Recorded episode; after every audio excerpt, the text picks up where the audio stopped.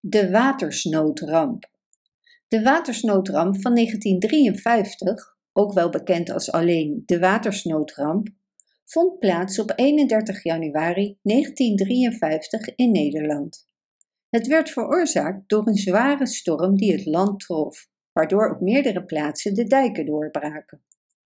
De stormvloed zorgde in combinatie met hoogwater voor overstromingen in grote delen van Nederland waarbij de provincies Zeeland, Zuid-Holland en Noord-Brabant het zwaarst werden getroffen. Het water steeg tot bijna 6 meter boven zeeniveau. De impact was enorm, aangezien een groot deel van Nederland onder de zeespiegel ligt. Vanwege het tijdstip van de ramp, late avond en nacht, werden de waarschuwingen niet op tijd ontvangen, omdat radiostations en weerstations alleen overdag werkten. Dit betekende dat mensen zich niet konden voorbereiden op de overstroming. Ander probleem was dat veel overheids- en hulpdiensten gesloten waren, omdat het op een zaterdag gebeurde.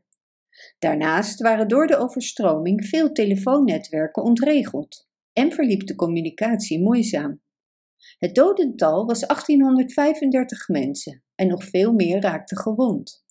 De overstroming veroorzaakte ook grote schade aan eigendommen, infrastructuur en landbouw. Veel buurlanden stuurden hulp. Ze hielpen met het redden van mensen van daken, het bergen van lichamen en het inzamelen van donaties. De ramp was voor de Nederlandse regering aanleiding om de Deltawerken te starten, een ambitieus project om het land te beschermen tegen toekomstige overstromingen. Het project omvatte de bouw van dammen, stormvloedkeringen en andere maatregelen ter bescherming tegen overstromingen, die eind jaren 90 werden voltooid.